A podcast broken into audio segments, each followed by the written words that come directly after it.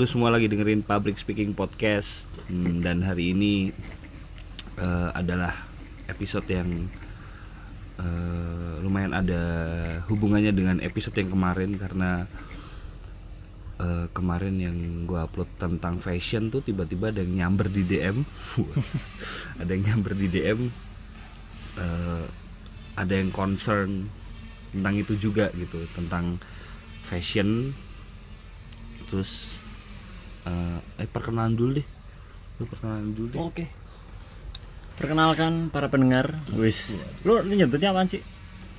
nggak ada sih Nggak ada. nggak ada sih Pendengarnya Deka. Nama saya Nanang. Saya adalah seorang bapak muda, Wah. sugar daddy, sugar daddy hot papa. Ya kebetulan kemarin dengerin dengerin apa podcastnya si Deka terus nyaut lah karena gue termasuk orang yang cukup concern terhadap hal-hal semacam itu terutama terhadap eh, pakaian. Hmm.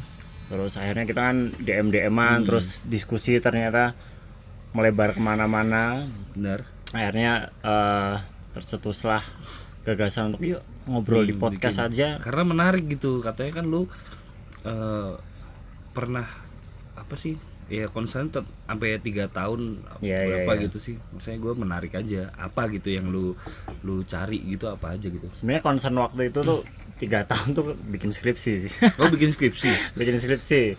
Tadinya sih bikin karya ilmiah sebenarnya penelitian ke situ. Hmm. tentang eh, gaya busana sekelompok orang terus tapi akhirnya eh, sama dosen pembimbing udah nih dilanjutin aja lah jadi skripsi Hmm. jadi skripsi oke. Terus akhirnya awalnya apa emang? Awalnya sih dulu nulis tentang distro. Fenomena tentang- distro. Terus fenomena distro di salah satu kota Mhm. yang lagi menjamur dan kita lihat itu sebagai sebuah ruang publik alter- alternatif buat anak muda.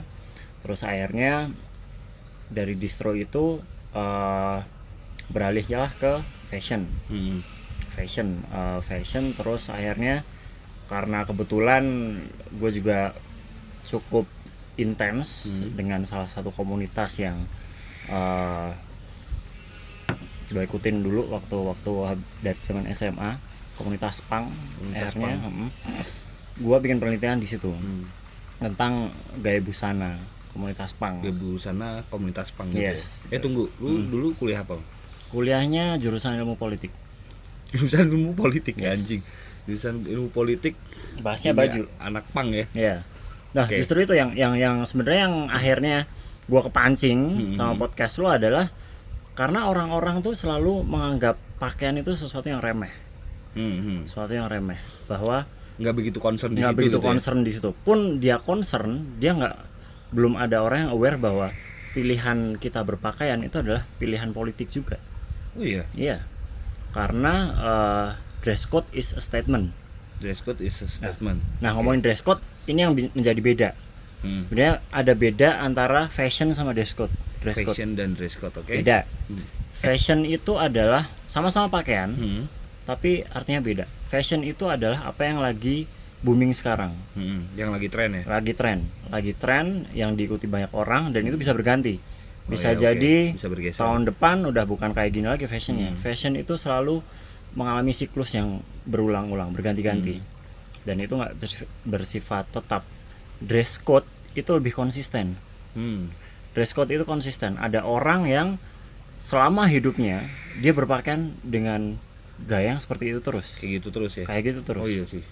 ya kan? Iya, iya, dia nggak nggak akan ngikutin fashion mau mungkin katakanlah di di negara barat ada fashion pasti setiap ganti musim ganti fashion Iya.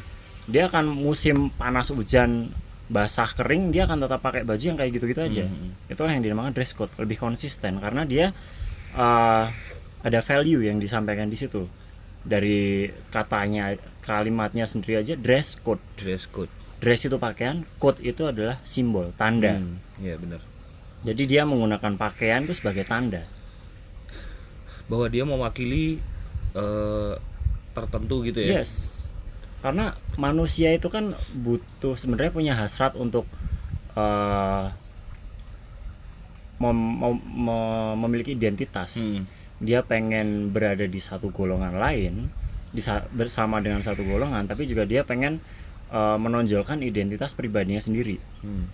ada dua hal itu. Makanya salah satunya adalah uh, manifesto itu melalui pakaian gaya berpakaian itu menarik sih kayak eh, lu bisa lihat kayak perbedaannya fashion sama dress code berarti kalau misalkan yang lu teliti dulu tuh eh, anak-anak pang yang kayak sekarang itu bukan fashion pang ya itu dress code itu punk dress ya? code kita selalu menganggap itu adalah dress code Hmm. bukan fashion dari metal punk hippie skinhead hip hop Bener. itu mereka pakai dress code karena dari dulu dari mereka sejarah awal eh, mereka lahir sampai sekarang kayak gitu aja terus Hmm, hmm.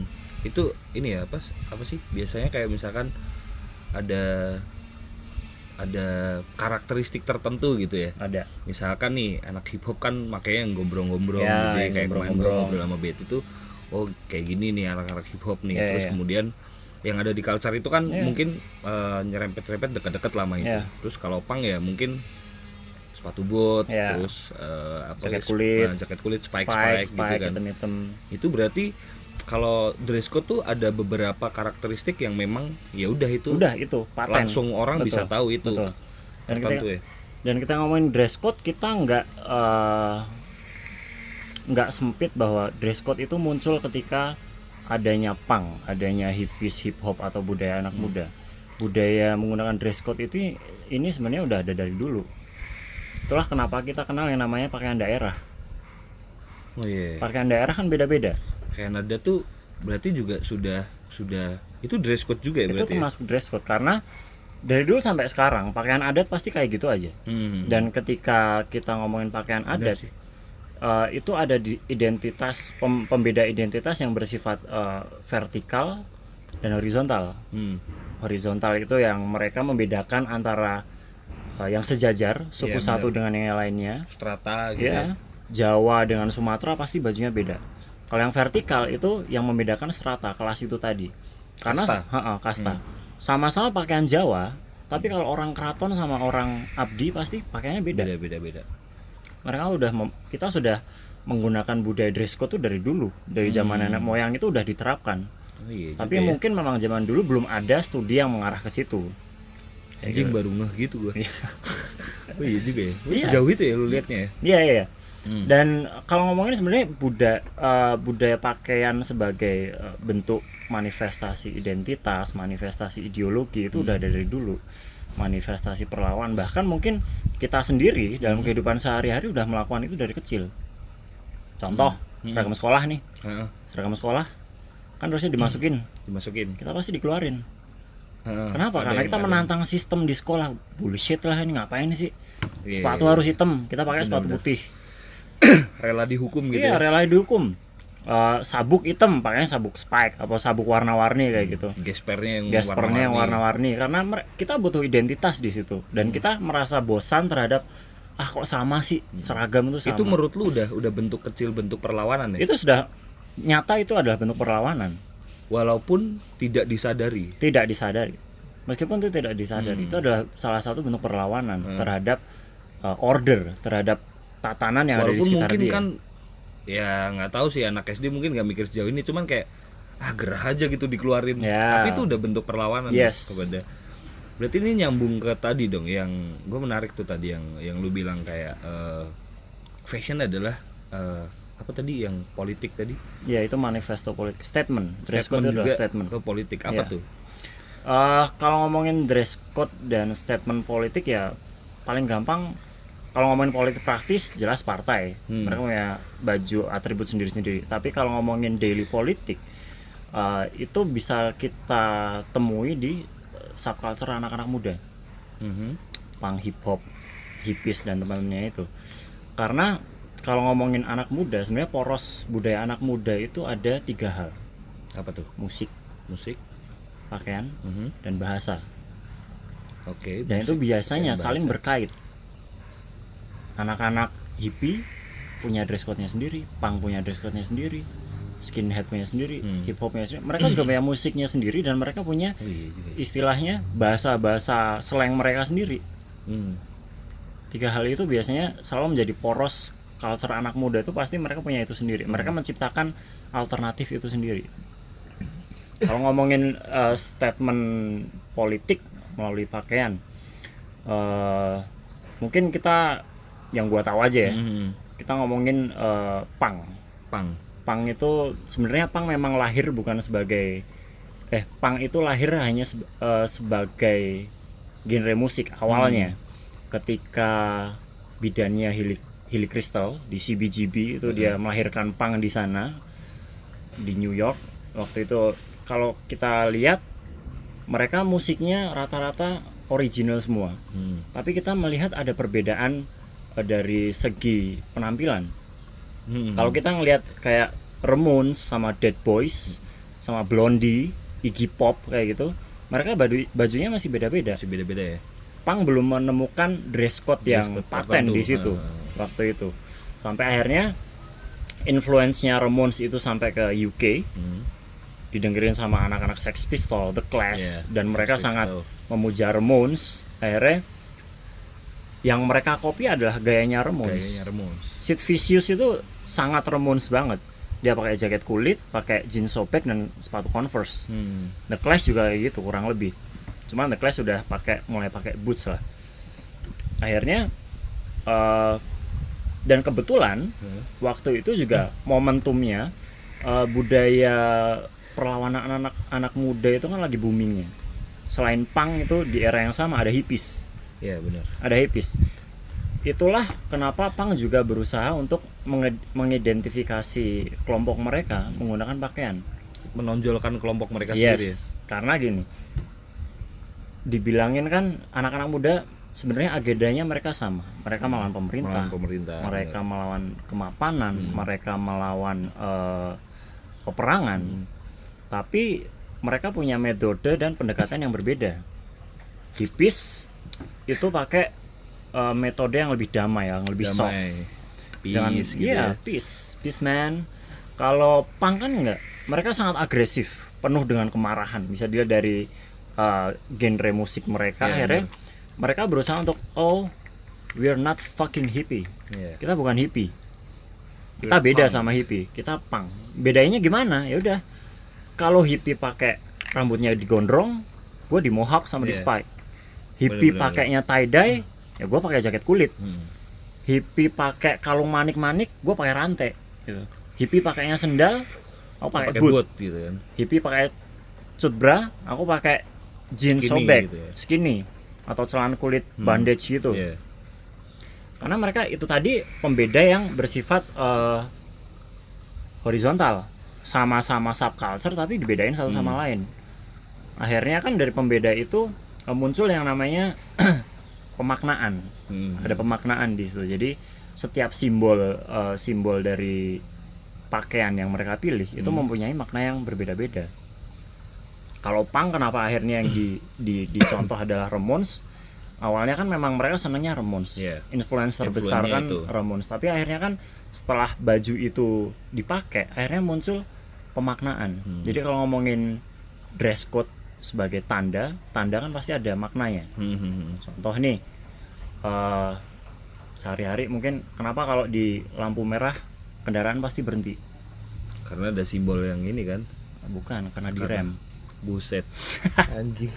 tapi benar juga karena merah itu artinya berhenti Heeh. nah seperti juga pakaiannya mereka Ini ya apa namanya? eh, sesuatu yang yang yang disetujui bersama yes gitu ya. sesuatu, sesuatu yang disetujui secara bersama ketika ngomongin hippies itu kan mereka lebih eh, slow mungkin lebih ke feminis ya Hmm. karena punk dan hippies itu sama-sama unisex Eh, unisex jadi cewek cowok gayanya sama gayanya sama. tapi hippies itu lebih ke feminis kenapa karena mereka pakai tie dye Hmm. terus rambutnya pakai manik-manik warna-warni Flower dan segala- generation flower gitu generation kayak gitu pang nggak mau kayak gitu Hmm. pang itu maco Oh, pang oke. itu agresif pang itu tegas pang itu frontal Hmm. makanya mereka memilih jaket kulit kenapa jaket kulit memang sudah populer di era-era tahun 50-an Hmm. orang-orang motorcycle kayak Iya, gitu iya. kan kayak di filmnya Rebel Without a Terkesan Cause itu. sangar Iya, gitu ya. sangat sangar ya udah.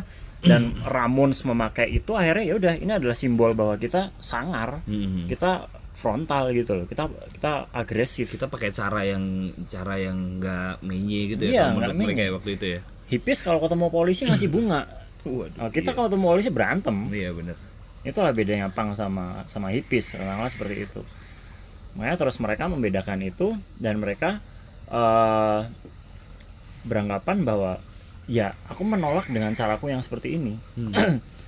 orang lain dandanannya kayak gitu gua dandannya beda gitu.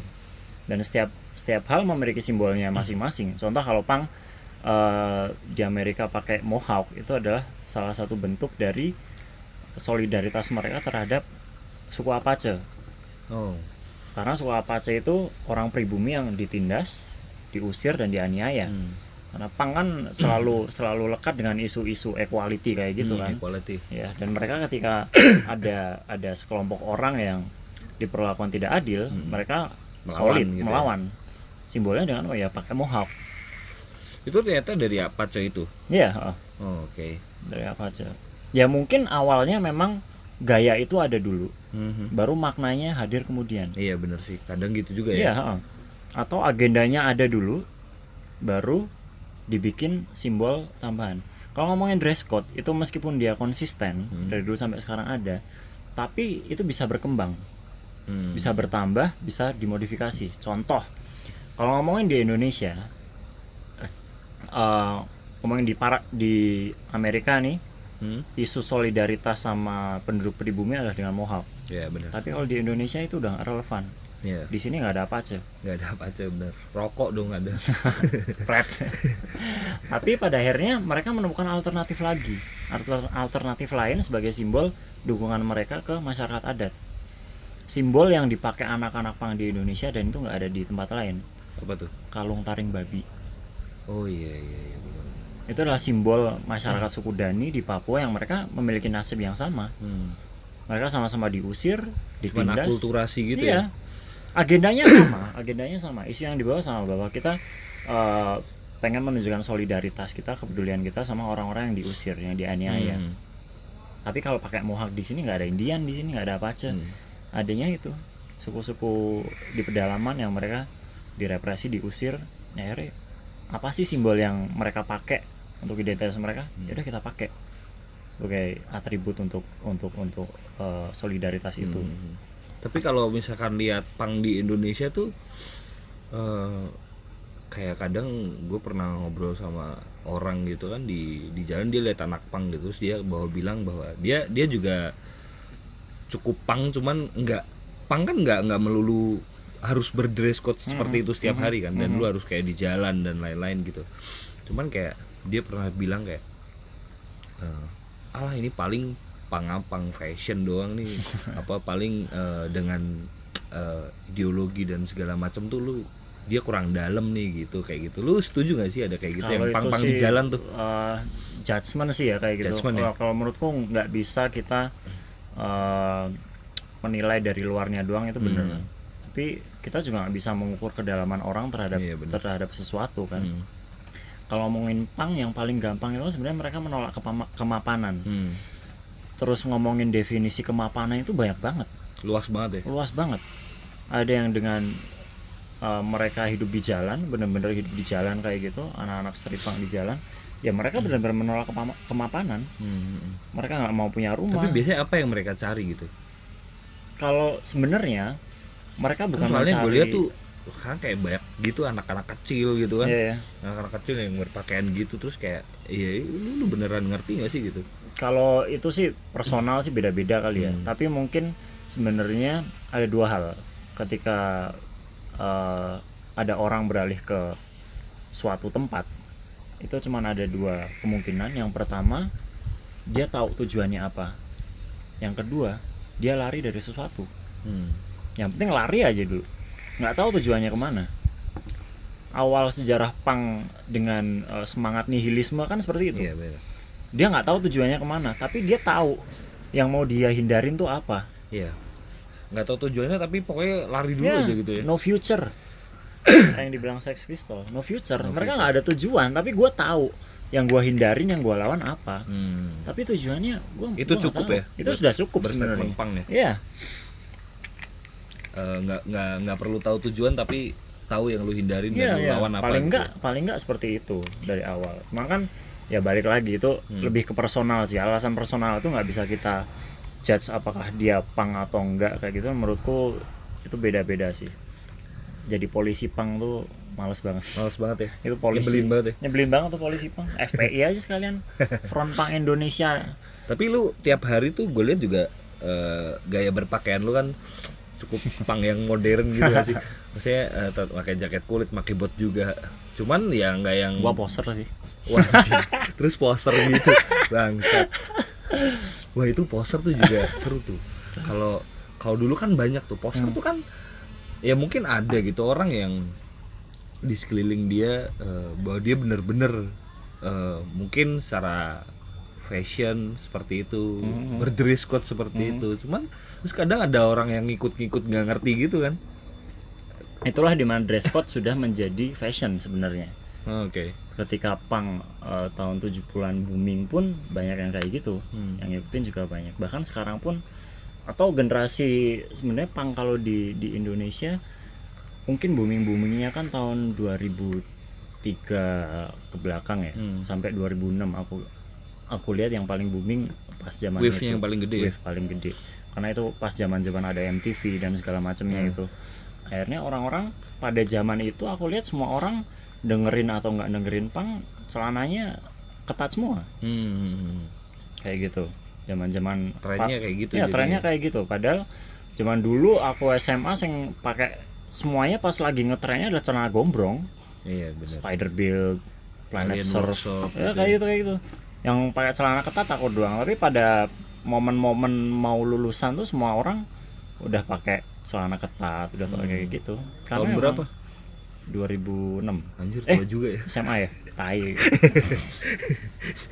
Jangan pengen nunjukin tuanya gitu gua. Anjing. Tapi kan pada akhirnya kita melihat fenomena seperti itu nggak berhenti di pang sih. Hmm. nggak berhenti di pang kalau kita ngomongin fenomena fashion yang lagi booming sekarang street street streetwear gitu. Streetwear. itu kan sebenarnya culture-nya dari anak-anak skateboard Hmm. tapi eh, ketika kita ngomongin dress code Hmm. dengan produk suatu brand itu adalah hal yang berbeda Hmm. produk su- suatu brand eh, bisa jadi dia sudah lepas dari dress code itu sendiri bisa jadi contoh ya kalau contoh di pang Doc Mart Doc Mart Doc Mart itu sepatunya anak-anak kelas pekerja branding dan imagery-nya kan sepatu uh, kelas pekerja hmm. Sepatu buruh. Ya, working class working, Working class, class. gitu kan. Tapi pada uh, perkembangannya karena identitas yang melekat itu tadi akhirnya brand brand identity-nya dapat brand value-nya naik. Hmm, hmm. akhirnya sekarang buruh mana yang bisa beli Doc Mart coy? Iya sih bener. Buru pabrik nggak pakai dok nggak pakai Doc Mart kodaci balik. Iya. Itu dia karena ada br- brand identity Hmm. yang akhirnya menaikkan, Menaikkan harga jualnya ya. menaikkan value-nya streetwear juga kayak gitu. Hmm.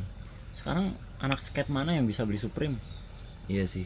Uya Gak Kuya. banyak sih. Uya Kuya yang pakai Uya Supreme. Kuya bangsat. Uya Kuya dan keluarganya pakai Supreme kan? Hmm bener-bener akhirnya ranah dress code itu beralih ke fashion adalah ketika ya orang yang nggak ngerti pun dia beli gitu. Loh. iya iya iya. Karena dia mau nyari apa sih? Identity-nya brand value-nya Hmm, hmm, hmm. yang bisa dia beli itu yang yang yang berduit doang Iya, gitu yang ya, berduit bisa doang. beli ya. dan harganya pun akhirnya naik kan Mm-mm. Kadang gue masuk gak akal ngerti sih fashion-fashion yang kayak lu tau gak sih yang gue pernah ngobrol sama teman gue tuh juga yang Kanye West yang lubang-lubang banget sih. Ngapain gitu sih lu? kalau itu sih karena nama kanyenya sih Iya mungkin. sih. lebih karena kolaborasinya value kora- Maksud kolaborasinya kenapa kenapa itu bisa mahal gitu? Apakah misalkan ini oh dipakai dia terus eh, apa- Bekasnya gitu ah, ya. Bekasnya gitu. Ternyata enggak juga gitu kan. juga Anjing ini apa yang bikin itu mahal ngomongin gitu. marketing sih itu ngomongin Hmm. pasar sebenarnya mungkin karena mungkin kalau dia jual murah malah nggak akan laku Iya Sebenarnya sih. orang yang dibutuhkan kan semakin mahal semakin Cuman tuh eksklusif. kadang kan gini ya, fashion tuh yang menarik adalah kadang kita lihat orang nih punya influence eh, sosok tertentu kan. Misalkan nih, let's say contohnya tadi si sweaternya kayaknya West itu yang Yeezy apa tuh lubang-lubang kan. Mungkin kalau dipakai kayaknya West ya oke gitu. Kita bisa kayak ya udah dipakai dia bagus aja gitu. Cuman kalau orang yang beli walaupun dia berduit tapi nggak ngerti gak sih lu maksud Ya. gue maksudnya kayak eh, Nah. nggak ya kadang nggak di fit di semua orang Ya, ya, gitu ya, ya. Ya, itulah yang bikin fashion is cheap akhirnya Hmm. karena semua orang bisa beli asal punya duit cheap Iya, tuh benar. bukan dalam artian nominal uang ya Ah. tapi fashion tuh sebenarnya bisa diakses siapa aja yang punya punya uang tapi contohnya dia- uya kuya tadi contohnya uya uya uya tadi kan kadang gue lihat kayak anjing nggak sinkron nih sebenarnya bangsat kenapa lu pakai sih gitu tapi ya nggak nggak nggak nurunin brandnya juga dan Iya, dari bener. dari yang punya brand juga senang-senang aja Iya, sih mereka senang-senang di, aja. di dibeli kayak laku kok Hmm. Tapi bagi orang yang tahu sejarahnya orang yang mengikuti culture-nya itu malah geli sendiri iya gitu loh. benar-benar. Ih apaan sih? Hmm. gemes banget gue. Akhirnya kan malah itu bagi orang yang yang bener-bener ngerti justru di situlah eh, letak kematian identitasnya mungkin di situ. Ketika Hmm. orang oh gue gue udah males lah mau pakai brand itu udah iya iya. dipakai orang itu gitu loh. Iya benar-benar. Meskipun itu Ada brand yang ada yang- gitunya ya? ada ada yang kayak gitu. Meski- meskipun itu orang yang eh, apa istilahnya dia rootsnya tuh anak itu banget gitu Ah. anak street banget tapi ketika brand ini terus dipakai sama hah iya men kenapa dipakai Iya, sih. Nah, dipakai sih, waduh, ngerusak aja nih. Hmm. Ntar gue nggak mau disama-samain sama dia gitu. Hmm. Akhirnya berhenti di situ. Hmm. Dan kita ngomongin eh, dress code sebagai sebagai simbol identitas, sebagai simbol tujuan itu juga nggak melulu eh, kita ngomongin orang-orang yang punya ideologi, yang benar-benar ngerti. Karena kita juga menerapkan itu di kehidupan sehari-hari. iya sih Contoh nih, lu sore-sore nih di teras rumah, kopi senja dan mah ya, waduh seperti biasa. kopi senja dan promak ya Kopi senja dan promah. Terus ada bapak-bapak. indie gitu Iya. ya. Ada orang jalan nih depan rumah. Pakai kopiah, Hmm. baju koko, sarung. Kita pasti tahu dia mau ke masjid kok. Iya sih. Nggak usah ditanya. Ya itu tadi salah satu uh, bentuk dress code dia sebagai statement. Dia Hmm. mau ke masjid pasti mau sholat gitu. Iya iya benar-benar terus atau lu ngelihat hari minggu katakanlah. Kok dia pakai rapi-rapi putih gitu ya. enggak hari minggu terus pakai sorban. Oh terus pakai baju putih pakai sarung. Ngapain minggu minggu ke gereja? Oh ternyata tanggal cantik. Oh ya ampun anjing mau demo bangsat. Geblek. ternyata tanggal cantik nih Waduh. pantesan ya. Oh iya bener-bener iya. Ada ada tujuan di Iya, situ iya, kan. iya. akhirnya kan ada statement di situ bahwa gue pakaian kayak gini momennya tujuan gue apa gitu loh. Meskipun dia nggak berusaha untuk uh, making statement ke orang-orang tapi orang-orang akhirnya mau nggak mau makna itu akan ditangkap oleh Hmm. orang-orang di sekitarnya. Dan itu itu pun ini ya bebas gitu ya orang interpretasiin. Iya makna itu kan bebas. Hmm. simbol itu bisa bermakna ganda. Hmm. dan orang-orang menangkap makna itu lain-lain. Hmm. beda-beda. Anjing gua kirain apaan tadi bangsat. Terus eh, apa ya gua lu dari dari dulu kuliah tuh apa gitu yang menjadi fashion statement lu gitu? Kalau sama sama yang sering lu pakai sekarang gitu kan lu kan oh, gue kayak artis hari- nih dituin personal banget Enggak. nanya aja maksudnya penasaran aja nih eh, kan lu sekarang sering banget gue lihat pakai kayak kaos band Hmm. selalu kaos band gitu nggak Iya. sih nah terus kayak d- emang dari dulu kayak gitu apa kan misalkan nih gue tuh dulu juga ini sih ada ada ada fase di mana kayak yang ngikutin tren Mhm, mhm. apa yang tren sekarang cuman gue picky sih memilih sih mesti kayak eh, misalkan dulu zaman zaman distro gitu terus kemudian model yang gambarnya banyak dan lain-lain gitu kan terus semakin ke sini sini sekarang ya gue makanya either kaos band kalau enggak ya eh, kaos-kaos yang basic gitu Mhm. semakin maksudnya eh, kalau dibilang misalkan desain kaos nih cuma sama-sama pakai kaos semakin ke sini gue justru nyari yang Lebih yang nggak terlalu rame yang Hmm. semakin simpel Iya, gitu iya. Ada gimana ya tuh kalau gue dari dulu apa ya gue kan anak kampung ya. Hmm, bener-bener anak kampung. Bopung gitu ya? Bocah kampung. pungnya bocah kampung PUNG Hmm. anak kampung yang emang informasi pertama yang gue dapet sebagai ketika MTV mulai go live nasional dulu kan cuma ada di Jakarta tuh. Iya. terus akhirnya go live nasional yang gue dapet ya emang pas momennya itu gitu loh waktu itu awal-awal pertama kali gua dengerin SMP itu Green Day Hmm. dan Blink terus The Offspring kayak gitu Iya, akhirnya iya. cuman sama gue cuman tahu lagunya aja terus akhirnya dan gua nggak tahu bahwa ada kaos yang menjual eh, kaos band kayak gitu Hmm. kaos yang ada gambarnya band tuh gue belum tahu karena dari kecil gue cuman tahu kaos tuh cuman kalau nggak gambarnya Power Rangers Satria Baja Hitam ya kaos kan dari kecil kan kita cuman dibeliin ya namanya Iya, kaos bener-bener. is always given gitu loh. Iya. Kita dari kecil tuh nggak nggak pernah punya pilihan. Terus kayak gitu. Akhirnya dari situlah gue mulai oh, oke, gue akan mengcopy gayanya mereka sama. Hmm. Gue mengcopy gayanya Green Awal Day. pasti gitu ya, mengcopy pasti kayak ya. gitu. Terus gue beli Converse, nabung, Hmm.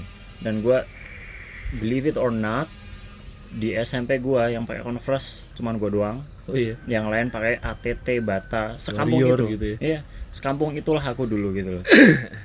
Di mana Kampung sih itu gitu. kecil? Ada deh. Oh ada deh. Kayak pelosok banget gitu ya sampai gak mau disebutin oke. ya kan eh, sampai kayak gitu terus akhirnya waktu SMA mulai SMA nya agak kota Hmm. di SMA favorit salah satu favorit di situlah mulai ketemu lah dengan orang-orang yang mendengarkan hal yang sama akhirnya mengulik banyak hal bareng-bareng juga Hmm.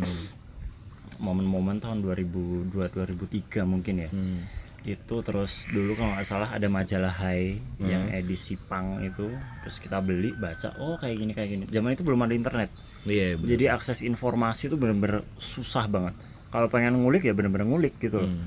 bener-bener ngulik akhirnya terus rame-ramenya ada gigs tiap hampir tiap minggu di sana tuh ada gigs terus gua datang ke gigs Hmm. cari temen bla bla bla. Terus ngeband juga. Terus ya udah akhirnya mulai tahu lebih banyak dari situ. Hmm. tapi memang saat itu ketika melakukan itu adalah sebagai pilihan yang eh, idealis ya. Maksudnya kita awal-awal ngerti pang harus idealis se anti ini anti itu Hmm. dan segala macem melawan orang tua lah melawan inilah Baca telan baca telan baca ya. telan baca telan kayak bisa gitu memilah gitu Iya, ya. iya. sampai akhirnya eh gue dulu sempat jadi street punk kayak lu bilang itu tadi Hmm. setahun setelah gue lulus SMA Oh iya, gua nggak tidur di langsung- jalan iya, gitu. gue nggak langsung kuliah waktu itu Hmm, setahun gue oke. kayak gitu sampai ada turning point di mana gue gue bosen nih kayak gini bosen karena gue lari dari sesuatu gue lari dari masalah untuk yang tanpa tujuan itu tapi tapi kok gue nggak nemu apa yang gue pengenin di sini gitu akhirnya gue berhenti gitu gimana? akhirnya merasa bosen aja udahlah kuliah akhirnya Hmm. kuliah juga akhirnya nah di, di Selama kul- setahun tuh nggak balik tuh. ya kadang balik lebaran atau apa Waduh. tetap lah ya Kayak orang rantau Oh ya. iya kayak orang rantau kayak gitu kayak itu terus akhirnya kuliah terus ya di kuliah pun masih berusaha untuk menerapkan apa yang apa yang sampai sekarang sih Hmm. apa yang gua senengin gitu. Hmm. karena gua termasuk orang yang berarti udah berapa tahun tuh udah dari 2002 sampai sekarang Hmm. 17 tahun gue cukup konsisten dengan dress code dress code gua dari dulu Spesifik di pang gitu ya. iya Hmm. ya mungkin punk dan musik-musik sejenisnya Hmm. punk metal gue dengerin kayak gitu karena gue gue kenapa pakai kaos band ya karena gue seneng sama bandnya gue pasti dengerin band ini terus eh, mungkin juga sebenarnya itu escape eh, untuk biar nggak bingung aja sih milih baju Oh gitu. karena kaos band kok, ya wis lah Iya. sama aja kan Iya iya. celana iya, bener. jeans semua kaos band semua ya udah jeans, t-shirt is always Ya, kayak gitu ya. always selalu kayak gitu Terus lo kalau acara-acara resmi gitu gimana? Ya tergantung itu mah tinggal istri gua aja. gua mah nggak ribet, istri gua Iya. ribet gua tinggal ngikutin. Nah, Pasti seperti itu. Lebih simple sih. Nggak ada itu banget. Karena mungkin eh, ada teman-teman gua yang mer- mereka beralih pada kayak eh, modelnya Steve Jobs atau Mark Zuckerberg Hmm. yang gue cuma pengen punya baju polos biar nggak ribet ya gue Iya. sama aja gue nggak ribet bukan berarti mereka orang yang nggak peduli penampilan iya benar-benar. justru mereka peduli sama penampilan mereka Hmm, hmm. dengan konsistensi mereka yang cuma satu warna terus mereka juga membangun identitasnya itu kan kayak ya kalau kita ngomongin Steve Jobs pasti on sweater New Balance dan jeans Iya gitu iya loh benar-benar. it's Steve Jobs style gitu loh meskipun Steve Jobs sebenarnya awalnya cuma pengen pengen simple Hmm, tapi simpel. pada akhirnya itu menjadi identitas dia gitu loh Tapi tuh mau sesimpel itu aja itu pada prakteknya nggak mungkin sesimpel yang kita lihat ya ya saya kayak dia menemukannya terus kemudian mungkin di apa persiapannya mungkin Ya, dia ya, punya banyak ini mungkin banyak fase Hmm. ketika dia uh, menemui titik jenuh di mana oke udah nggak ada yang bisa merepresentasikan diri gue hmm. kecuali baju polos nggak sesimpel karena gue nggak pengen gue nggak pengen ribet pakai ini gue nggak Hmm. pengen ribet pakai dasi atau jangan-jangan memang ini nggak gue banget gitu loh Hmm. yang gue banget tuh ya ini sweater terus jeans dan New Balance dan itulah kenapa dia selalu pakai New Balance Hmm. dia hippie kan dulu oh iya Iya, Steve Jobs dulu hippie kan? oh, oke baru tahu juga gue Iya. jadi nggak ada perbedaan ya dari lu kayak dulu gimana sampai sekarang pun masih ya mencoba konsisten dengan dengan Iya. itu ya Kalau dulu gua nggak beli nggak kuat beli Dogmart itu aja sih. Kalau sekarang pakai Dotmart gitu ya oke Sebenarnya itu balas dendam sih. Hmm. Wah dari dulu gua pengen wah Dogmart tae. Harganya nggak mungkin yang banget gitu ya. Mahal banget. Karena akhirnya ini juga beli Dogmart juga kalau nggak ada yang harga miring banget nggak dinegosikan juga nggak bakal di itu iya, iya. hal yang kayak gitu sih Eh, apa lagi ya lagi Eh, lu kan sekarang ini ya lu apa sih lu sekarang lagi ngerjain apa sih? Oh gua lagi sibuk bikin membangun skena di salah satu kota. Membangun skena ya? Nah itu Skena- juga tuh skena gue tuh eh, kenapa lu concernin ke situ juga? Gue pengen tetap muda coy. Tetap muda ya? Oh, oh. itu yang bikin gue merasa muda Nah, di usia gue yang sekarang udah tit gitu. nah.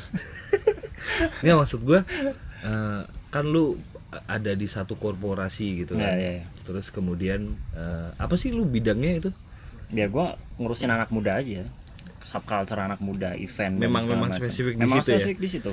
Dan kerjaan itu emang kerjaan yang gue ngerasa nggak kerja.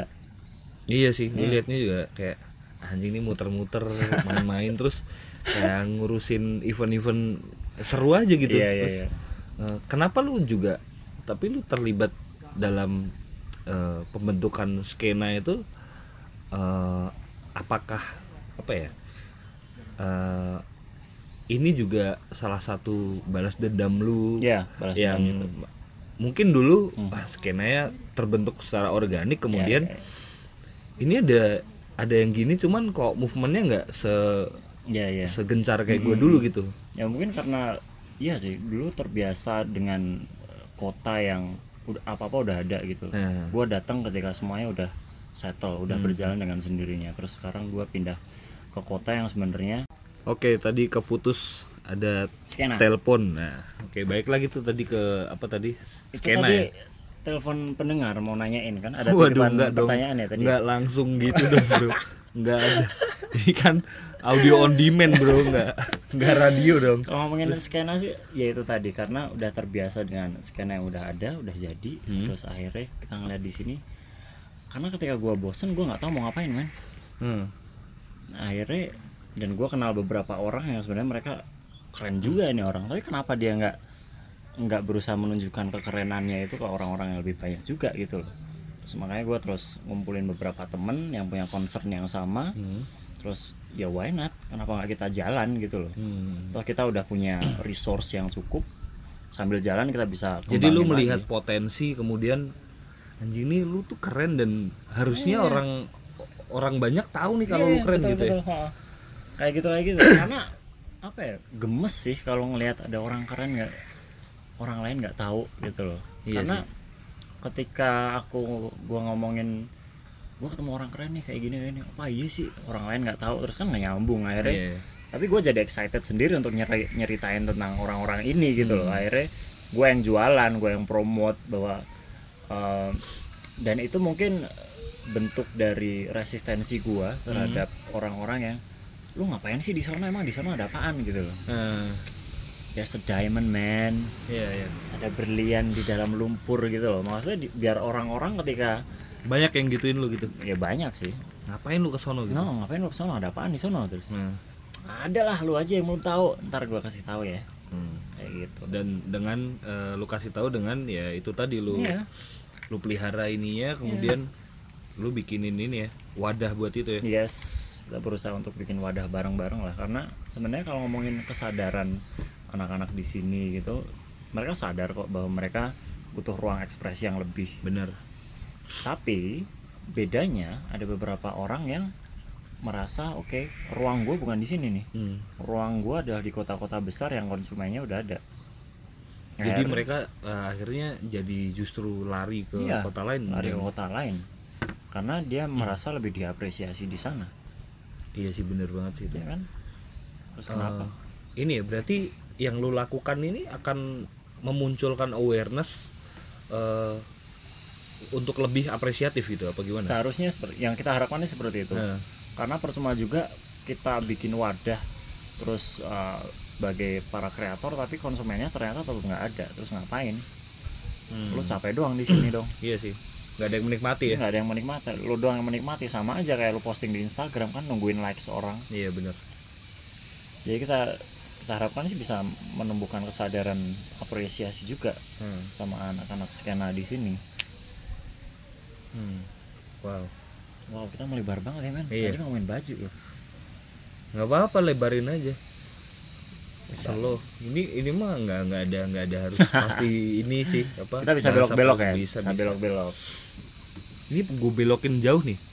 Eh, lu tadi kan kuliah politik nih. ya Wah, anjing kuliah politik. Gua gua gak ngerti sih maksudnya uh, kuliah politik tuh biasanya kalau misalkan nih kuliah hukum kan bisa jadi notaris, bisa Hmm. jadi lawyer. Kuliah politik tuh jadi apa sih? ya jadi politisi Jadi politisi. jadi politisi jadi dosen tapi rata-rata tuh sih eh, anak-anak teman gue ya semakin dia tahu politik dia semakin menjauhi politik praktis Oh iya. ya karena ngomongin idealnya realita di Indonesia memang di seluruh dunia sih Hmm. politik sucks man Iya, pada, benar-benar. pada akhirnya seperti itu Tapi teman-teman lu seangkatan gitu ada yang jadi politisi. ah jadi politisi nggak ada Caleg gitu minimal. gue. caleg nggak ada. Rata-rata tuh dosen Oke. PNS malah paling mentok. Paling paling paling bandel gua doang ini. Oh, yang iya. benar-benar keluar dari jurusan mentok jauh. Terus malah jadi ngurusin iya jadi ngurusin hal-hal yang nggak berbau politik tapi, tapi sebenarnya ngomongin politik itu eh, nggak kaku melihat politik praktis yang ada di election kata pemilihan. Karena dalam sehari-hari itu kita juga berpolitik sebenarnya Hmm. kalau secara teori politik itu ada eh, tiga level ada state Hmm. yang ngurusin negara dan birokrasi Ya. ada intermediary politik intermediary politik itu adalah partai politik Ya. LSM media Ya, media. terus ada civil society ngomongin civil society adalah ngomongin pergerakan massa organisasi massa Hmm. kayak gitu culture anak muda resistensi dan segala macam Hmm. hal-hal seperti itu dan memang waktu itu ranah gua ke civil society minat gue emang ke situ Concernnya ke situ ya. concernnya ke situ Itu apa? Itu jurusan bukan? itu jurusan terus ada fokus studi sih di dalam Oh, jurusan fokus ada studi. fokus studi fokus studinya di civil society makanya gua ada yang dulu ada yang namanya underground politik lah termasuk seperti itu Hmm. Jadi kita pun biasanya kan kalau orang awam ya politik adalah pemilihan, politik Ya. adalah ya eh, pemerintah birokrasi gitu. Ya. Tapi seben- sebenarnya tadi yang lu bilang politik tuh kita tiap hari pun berpolitik. kita tiap hari pun Apa berpolitik gitu contoh kecil berpolitik di tiap hari? contoh kecil berpolitik adalah eh, PDKT ke pacar Anjing itu politik. itu politik politik itu kan who gets what when and how Ah, oke. ada tujuan dan bagaimana kamu mencapai tujuan Tujuannya. itu ada kepentingan ada distribusi ada goals di situ akhirnya strategi step untuk melakukan ses- mendapatkan sesuatu itu adalah suatu langkah politik Anjing menarik. menarik hal-hal sehari-hari itu sangat Sangat bapak politis. ibumu lah Hah? bapak belanja sneaker Waduh. gimana caranya ini cerita ke ibunya Hmm. atau ibu sebagai kementerian keuangan yang Iya. ngurusin duit di rumah Iya, iya. bapak iya. kepala negara kan ranah politik itu kan kita terapkan di kehidupan sehari-hari Iya, iya. gimana kita berpolitik untuk menjaga perasaan menjaga stabilitas di dalam skop kecil Iya rumah juga ya. tangga kita di kelas bagaimana kita mendominasi mungkin lu punya ketua kelas tapi orangnya sengak banget dan lu pengen revolusi kita gulingkan Iya, ketua iya, kelas iya, iya. kita gulingkan ketua UKM kita Hmm. rektorat kita kayak gitu kan itu bagian dari politik kita sudah berpolitik dalam keseharian kita Gue soalnya apatis banget gitu. Ya itu dia sih awalnya sih cuman Ah. ya semakin sekarang ya anjing kalau apatis juga kayaknya nggak nggak nggak ini sebenarnya kalau gitu menurut gue sih nggak ada orang yang apatis cuman orang yang belum sadar aja sih Hmm, bahwa dia iya, sudah iya, berpolitik benar-benar. Itu- dari, itu lebih dari tepat dulu sih. Oh, oh. apatis tuh enggak dia tetap berpolitik kok tapi dalam ranah yang berbeda Hmm. dan dalam skop yang yang berbeda lebih kecil mungkin seperti itu anjing itu diajarin debat gitu gak sih? Di kuliah Nggak politik enggak ya? Enggak depan mah anak anak SMA itu. Oh iya? Debat heeh. kalau kita lebih maksud ke lu pilpres tuh ini anak SMA enggak ya? Nggak, bercanda bercanda. Oh, lebih bawah lagi lah itu. Waduh. Tapi lu lihat sekarang kayak gimana tuh politik? Tai gak sih? Tai banget sih. Tai banget ya? Kalau ngomongin politik ya Hah? Eh, apa lebih- yang lu lihat fenomena sekarang Gini. lu sebagai orang background kuliah politik gitu Wah, maksudnya? susah itu coy. Susah itu ya? berarti gua harus ilmiah nih. Waduh. Tapi kalau statement eh, pengamatan pengamatan gue pribadi sih compare era era era kalau orang bilang era paling buruknya Indonesia itu kan eranya Orde Baru. Nah, itu paling buruk-buruknya. Tapi di masa Orde Baru eh, melakukan pergerakan politik nah. eh, melakukan perlawanan politik itu lebih mudah Hmm. kan musuh, musuh kita satu men iya benar-benar musuhnya satu Orde Baru dan instrumennya jelas Hmm. ketika kita ngelihat politik tahun ini katakanlah dari tahun lima tahun yang lalu deh Iya. ya lima tahun yang lalu musuh kita tuh teman kita sendiri iya gitu benar Kalau- Beda banget ya. Ah, beda banget dulu yang otoriter itu adalah negara dengan instrumennya iya sekarang yang otoriter tuh pendukung nih benar pendukung capres tuh otoriter. Yang otoriter tuh rakyatnya. Itu yang lebih serem sih menurut itu gue serem sih. Serem banget. sih. Itu sangat serem banget. Karena ya itu gue tadi. sih berharap ini eh, cepat berlalu ya maksudnya kayak anjing gue kayak udah di titik di mana anjing nih bodoh amat lah gue mau yang jadi siapa gitu.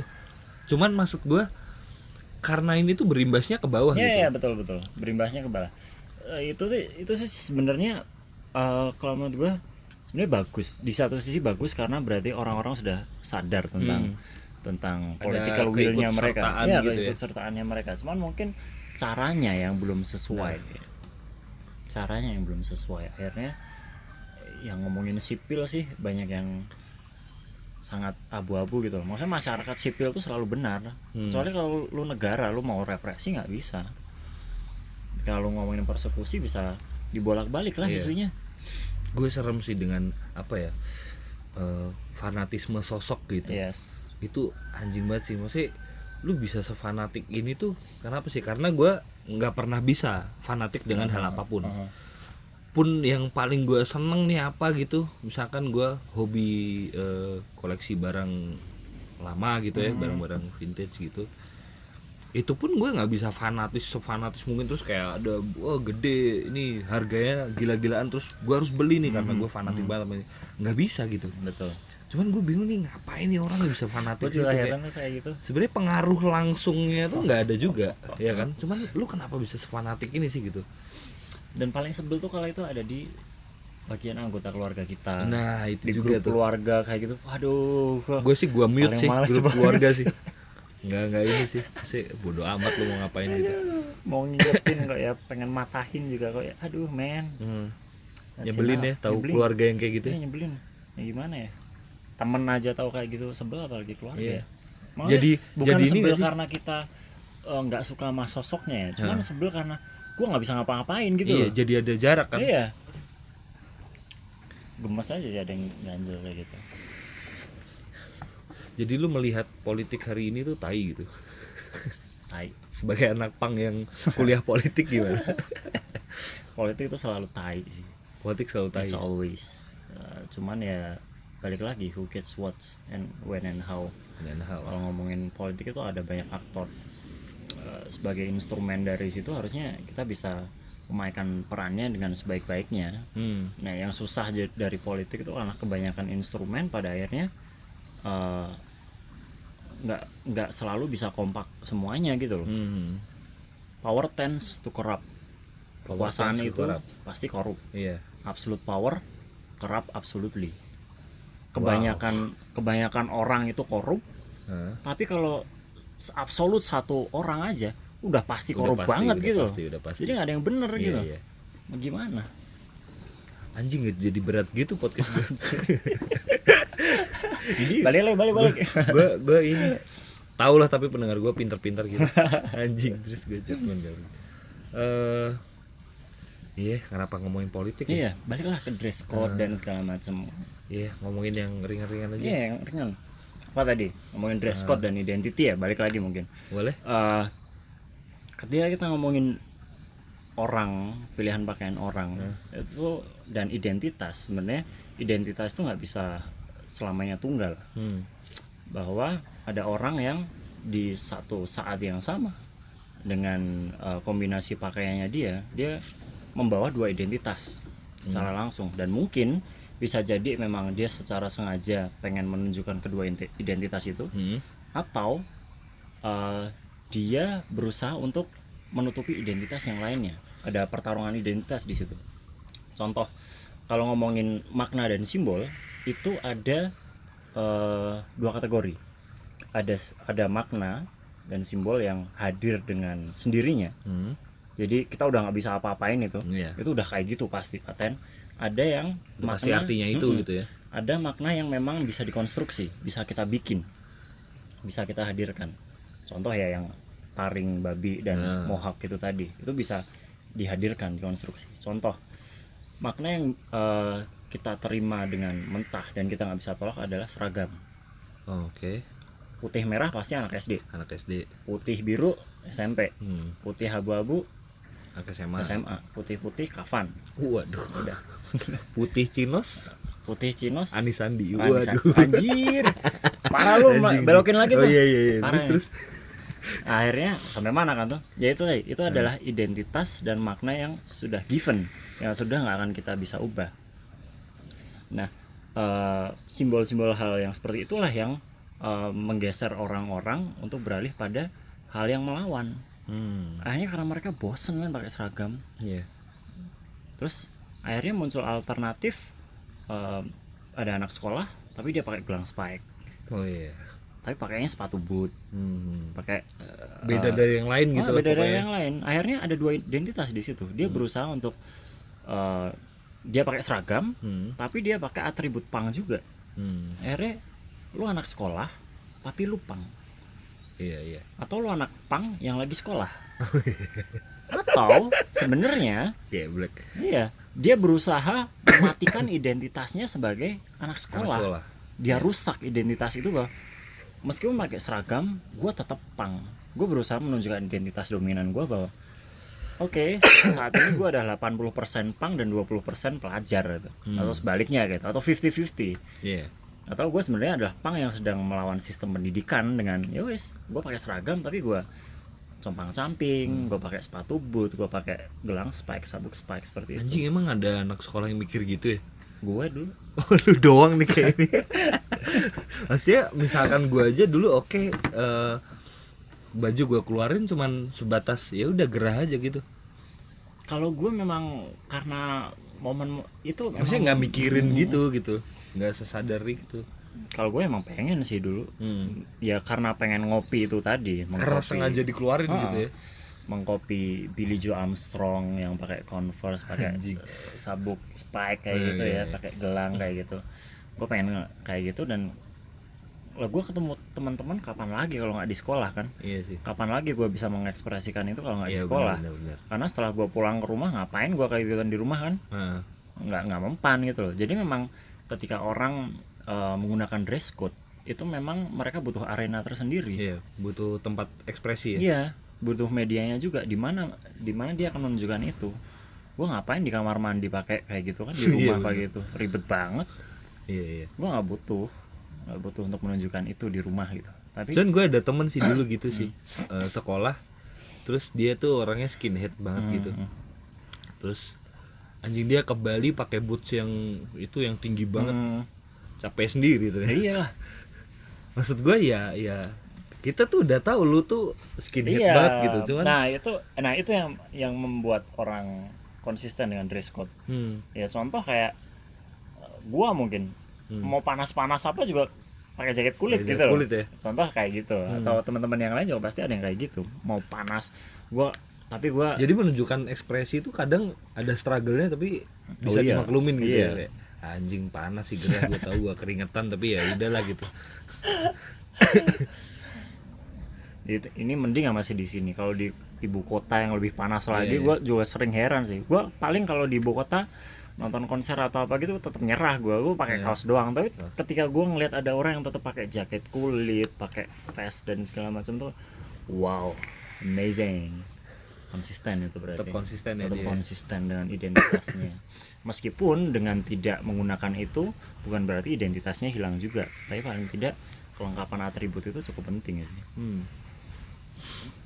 dan kita ketika kita ngomongin dress code dress code itu selalu eh, merusak apa yang udah ada sebenarnya? Dress code tuh merusak apa, yang, udah ada. ketika ngomongin dress code punk ya terutama. Contoh eh, kenapa punk itu mereka pakai emblem? Nah, sebenarnya itu adalah merusak simbol yang mereka lawan militerisme katakanlah. ketika emblem pin gitu ya. emblem dan pin.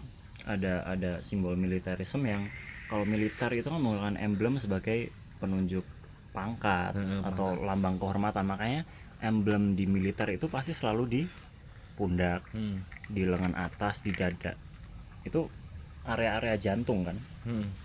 karena itu pride-nya mereka ada di situ hidup matinya mereka ada di situ pang mencuri konsep emblem tapi diterapkan dengan berbeda masanya disobek-sobek di celana gitu Iya, untuk iya, meng- mengejek bahwa ini loh yang kamu bangga banggain di sini gue injek injek gitu Wah, anjing gitu ya. Iya. Ternyata ya. Gue yakin sih nggak nggak banyak yang udah tahu ini gitu. Baru ngaju oh gitu gitu. dan memang ada beberapa hal yang memang kalau itu memang mereka punya value-nya dulu baru simbolnya diciptakan Hmm. tapi ada juga Tapi yang terkadang ada simbol dulu udah simbol ada, dulu, uh-uh, baru value-nya ketemu ya. ketemu. kayak gitu hubungan antara simbol dan makna itu kan selalu kayak gitu Iya. yang mana yang duluan itu kadang-kadang beda tergantung persepsi dan Hmm. itunya aja sih contoh nih mungkin mungkin banyak yang nggak tahu kalau kalau ngeliat anak-anak eh, skena tuh banyak yang apa slayernya dikantongin Nah, nah itu kenapa tuh? eh, ada di beberapa tempat itu adalah sebagai eh, solidaritas mereka terhadap LGBT Iya. karena di Amerika Selatan gay itu menunjukkan identitasnya dengan sarung tangan yang diselempitin di Di celana kantong belakang Hmm. gitu. Itu kalau di sono kan. iya Nah kalau di sini ntar dikirain lu Ya, mau- menunjukkan ini dong ya makanya bahwa lu available gitu nggak ya? gue gue belum mem- memperdalam itu gue belum Ah. belum memperdalam itu tapi gue pernah diceritain teman gue yang kayak gitu bahwa ini sebenarnya simbol kayak gini loh kalau di luar kalau di luar kan ada yang selernya diiketin juga Iya, ada iya, kan terus ada yang ke sini itu salah satu simbol dan ketika uh, ada skena yang subculture yang melakukan praktek itu sebenarnya mereka uh, berpikiran bahwa gua nggak homofobik Hmm. ya equality itu tadi karena eh, teman-teman LGBT itu selalu disingkirkan Iya. ditindas dianiaya solidaritas gue adalah ya udah gue pakai simbol lu gue pakai gue kombinasiin dengan simbol-simbol perlawan gue yang lain Oke. kayak gitu Wow. ya wow Gua ngerti juga gua. Eh, mind blowing ya men iya men. udah kayak tai lalat sebelum kita Waduh. Main blown. mind blown gitu Eh, ini ini deh gue mau nanya eh, lu kan udah menjadi bapak dari anak lu yang lucu itu kan lucu banget tuh si Kyle Eh, lu akan nurunin itu Oh, nggak sih enggak. maksudnya Anak apa gua bi- biarin aja gitu? Biarin aja anak gue jadi apa deh terserah Hmm. dia sendiri. Tapi dengan gimana gitu lu akan akan akan seperti ini jadi kalau menurut gue sih anak itu kan peniru peniru, peniru yang baik. Ah, dia cuma akan pertama mencontoh orang tuanya. Iya benar. Yang paling dominan dicontoh pasti akan orang tuanya dulu habis itu baru dia akan uh, mendapat referensi dan dia akan menyaring untuk memilih identitasnya sendiri. Karena posisi gue dulu juga kayak gitu. Hmm. Uh, gue ngeliat orang tua oke orang tua kayak gini. Uh, terus akhirnya gue terinfluence dengan genre musik tertentu. Terus gua ngeliat orang tua lo dengerin apa? Orang tua gua sih Iwan Fals sih. Nah, oke. Dan campur sari. Oke. Terus tapi ya akhirnya bener sih kalau influence gitu awal di orang tua sih iya. tapi akhirnya ya wes lah pilihan gua ini gitu loh. I, I I really thank God bokap gua tuh dengerin di Purple. Oh oke. That's jadi nice. dia kayak eh, oke di Purple terus kayak Scorpion terus kayak wah Europe, thank you banget nih. Bon Jovi masih masuk ya? Bon Jovi ya dengerin. Terus kayak bapak gua enggak campur sari ya bapakku mantos. Oh gitu ya? Mantos the legend. Tapi tapi kan itu ntar di di perjalanan kita juga kita akan ini iya, sendiri. iya. cuman maksud gua gua ini banget sih lumayan beruntung eh, Punya referensi lebih dasarannya awal, referensinya ya. itu gitu kalau gua kalau ngomongin musik sebenarnya di zaman zaman itu gua nggak begitu seneng. Oh ya gue baru seneng musik ya SD akhir lah SMP itulah. Hmm. ya mulai bener-bener ada MTV itu baru gua dengerin musik. Karena sebelumnya gue cuma dengerin musik ya udah dengerin aja. Tapi nggak begitu seng seneng banget sama musik. Hmm. kalau kalau biasanya anak pang tuh ada nggak sih yang di misalkan dihindarin gitu genre tertentu misalkan dengerin hip hop anjing kenapa sih Ya kalau dulu ya paling anti sama hippies lah jelas. Oh, gitu ya Pang itu Musik-musik gitu ya? Iya dari awal. Tapi sekarang udah enggak lah kayak gitu. Udah, tapi kalau lu lebih ada sih. universal ya Gua sih kalau cocok di kuping hmm. masuk. Ya, gue dandan kayak gini, gue kalau ada Salon Seven gue tetap singelong gitu. Waduh, iya, tetap singelong ya. Dandanan pang tapi kalau Salon Seven tetap ya. singelong. gue. Oke, oke. Nah, maksud gua eh, apakah ntar lu kayak kalau lu anak lu dengerinnya hip hop banget gitu Ya why apa-apa? not? Gue juga ya? dengerin Homicide man. Oh, Oke. Tapi meskipun gitu Homicide sebenarnya lebih banyak dibilang itu band punk daripada band hip hop sih mereka.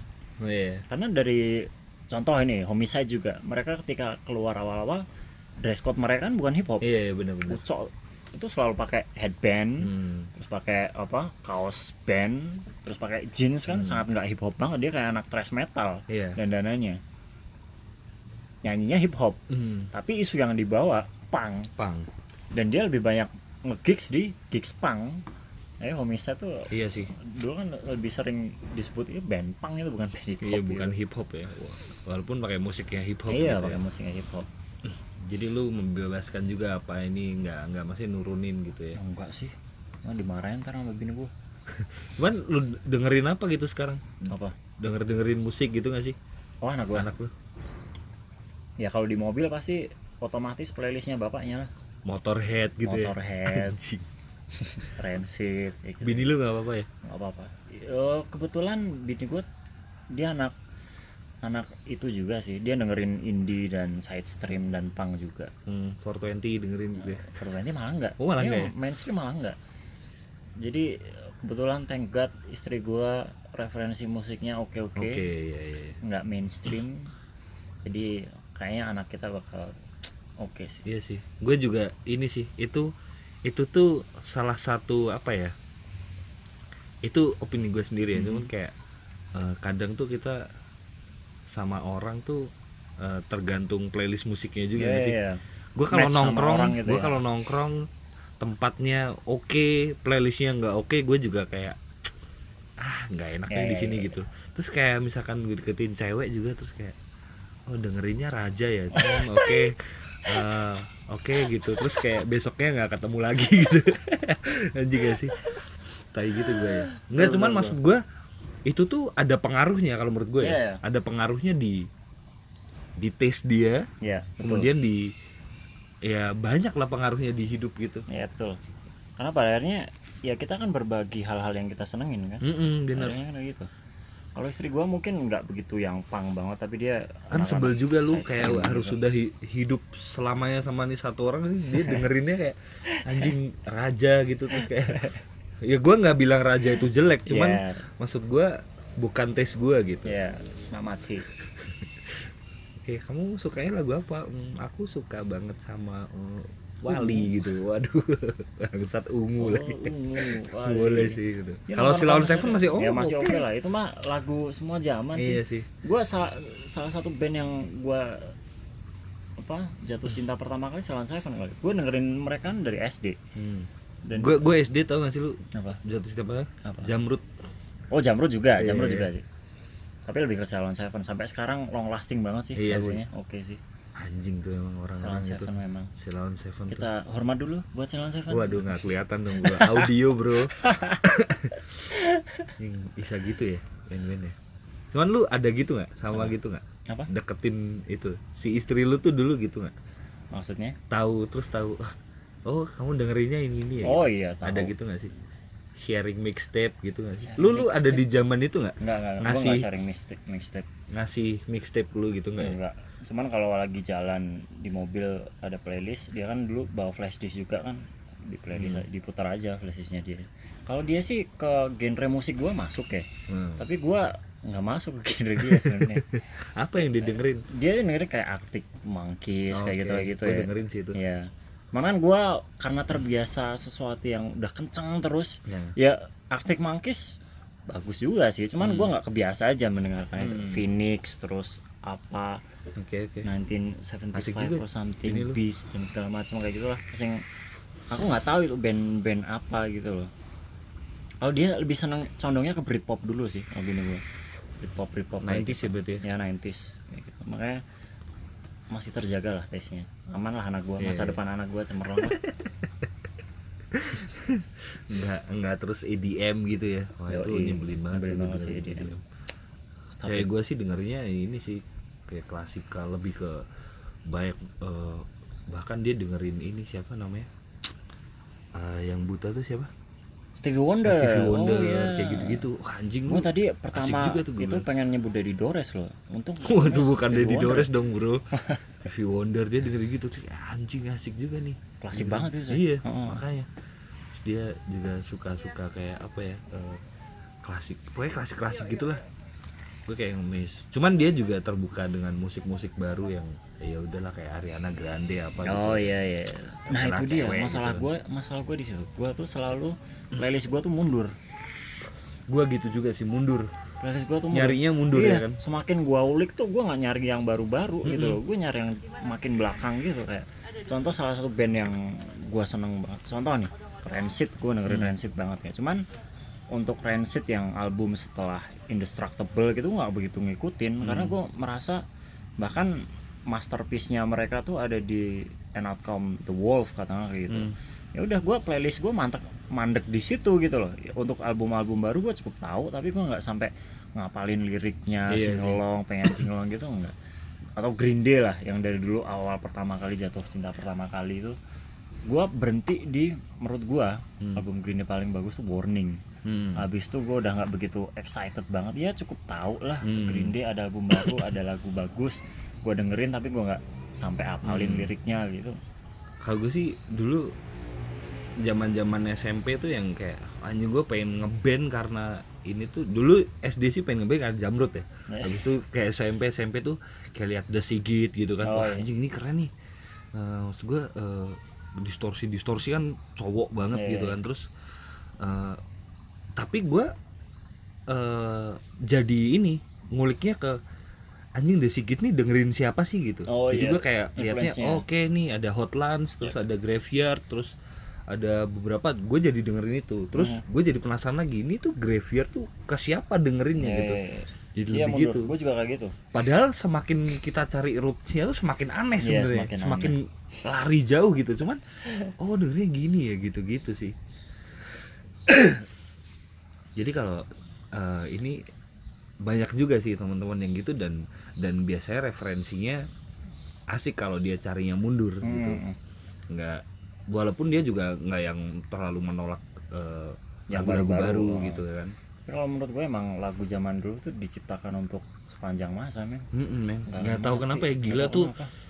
magis banget nggak sih banget emang kayak eh, Stairway to Heaven Iya. kayak gitu-gitu anjing tuh lagu udah nggak bisa diulang sih Bohemian Rhapsody Bohemian Rhapsody anjing tuh gimana sih tuh prosesnya bisa lu nemu kayak gitu gitu Oh anjing. gue jadi gue jadi inget zaman zaman SMA itu adalah gue punya eh, dua temen yang satunya anak Beatles banget, satunya anak eh, Queen banget gitu. Hmm. Dan mereka selalu tukeran referensi dan gue ada di tengah-tengah yang gue pang banget gitu. Hmm.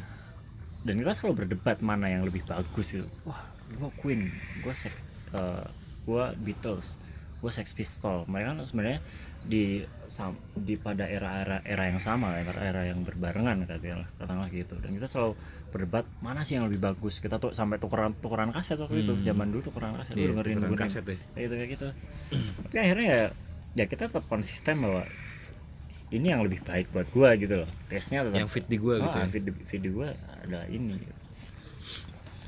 Kan berapa mereka main message message nya sendiri sendiri kan Ini tadi udah udah sejaman nih. Biasa lewat ya. Oke ini mungkin statement penutup nih. Tadi dari musik ya. Musik Eh, penutup. Kalau RUU pemusikan lu tolak atau revisi? Eh, gua nggak begitu ngikutin sih Yang tapi begitu ngikutin ya? mungkin tolak sih kalau kalau ada kayak gitu tolak ya? Tolak sih. Tolak karena apa ya itu bukan ranah yang perlu diatur sih iya benar kebebasan regu- berekspresi itu ya regulasi Eh, kalau ngomongin musiknya ya tapi Hmm. kalau ngomongin industri itu Perlu mungkin sih. perlu ada undang-undangnya tapi kalau ngomongin ke musik sebagai sebuah karya sebuah sebuah proses itu Hmm. nggak perlu tapi kalau ngomongin musik sebagai industri itu masih mungkin Hmm. perlu untuk ada undang-undang yang jelas tentang itu politik juga sih ya politik juga pembajakan Iya. segala macam zaman sekarang. itu aja belum kelar menurut belum pembajakan. kelar, dari dulu loh. Kenapa udah cari-cari yang lain gitu? Meskipun orang-orang lain ada yang pro dan kontra sama pembajakan ya. Hah? Ada yang pro pembajakan? Kalau gue sih biasa aja sih sama pembajakan. Gue gini gue dulu pernah ngeband Hah. Eh, tergantung tujuannya apa sih gue dulu pernah ngeband gue dulu pernah rekaman punya EP Hah? gue cuman bikin eh, 50 keping. Hah? bikin box set satu paket gitu. Terus nggak jadi sta- closing statement dong coy. Nggak apa nggak apa slow slow. Terus akhirnya eh gue jual itu. Hmm. gue jual itu habis yang jual teman-teman gue gue nggak punya akhirnya setelah itu ternyata masih banyak banget yang nanyain gitu loh gue Hmm. mau beli dong kaosnya gue mau beli dong CD-nya wah udah nggak nggak ada men. Hmm. dan gue nggak nggak mungkin bisa produksi lagi. Bisa sih produksi lagi. Orang itu nyablon sendiri segala macam Hmm. Cetak di- sendiri. gitu cuman males aja gitu loh udah males lebih ke males. Akhirnya dulu zamannya MySpace sama Mediafire gue upload filenya di situ. Semua lagu gue ada di sini. Semua file kaos gue desain ada di sini. Hmm. lo kalau mau bikin sendiri.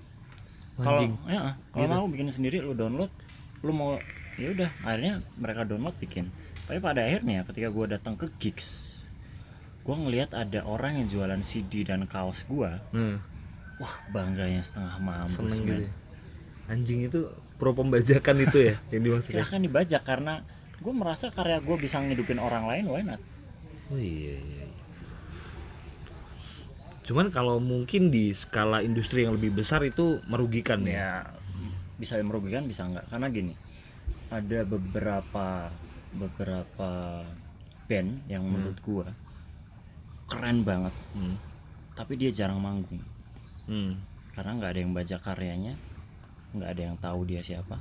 Itu itu ini nggak sih membantu pendistribusian Nah, gitu ya? sebenarnya ya membantu pendistribusian karya karena pada akhirnya kalau menurut gua ya ini nggak bisa digeneralisasi menurut gua kalau gua nantinya jadi musisi Hmm. Gue mungkin membiarkan itu. Kenapa? Akhirnya orang-orang dengerin lagu gue nanti tawaran manggung akan lebih banyak. Nah, iya. sekarang kalau lu tanya band mana pun mungkin gedean mana? Duit jualan kaset lu apa duit manggung lu sama merchandise lu? Hmm, iya iya benar-benar pasti manggung, dan manggung merchandise. manggung dan merchandise.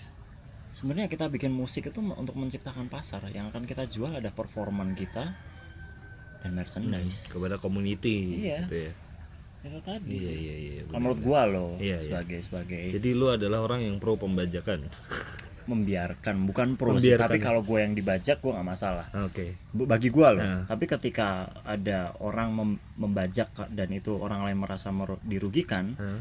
ya itu salah Iya, tapi kalau gue sendiri ketika karya gue dibajak ngomongin musik Hmm. musik gue dibajak gue nggak merasa dirugiin. Dan itu menghidupi orang lain nggak dan masalah gitu ya? orang lain nggak masalah. Karena mungkin bedanya adalah gue dulu bermusik bukan untuk menghidupi diri sendiri ya. Hmm. gue bermusik karena gue senang. Hmm. dan gue bang wah men ada lagu lu di handphone teman tuh udah ya Allah. Oh iya, jadi alarm bangun Iya, dia itu gitu. tuh, wah, anjir bangganya setengah mampus. Iya, iya. ada orang yang nggak kenal terus pakai kaos band lu tuh terus iya iya sih iya sih. Gue pernah ngerasain sih I feel that and wah bangga banget. Itu udah nggak nggak bisa dibeli lah. Iya, iya. perasaan kayak gitu nggak nggak bisa dibeli. Karena itu zaman gue SMA hmm. SMA mau kuliah itu. Jadi kan mungkin kebutuhan kita belum kayak sekarang Iya, mungkin benar, ya. benar, benar, kalau mungkin ketika sekarang gue uh, masih ada butuh eksistensi oh, gitu oh, ya? iya betul. Wah, sekarang mungkin udah beda lagi.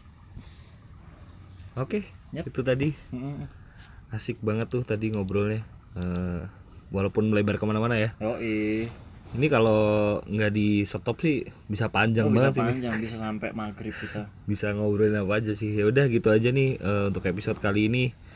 Thank you banget mas Nanang. Thank you sama-sama. Oke. Bro Deka. Sekian episode ini. Udah. Bye. Bye bye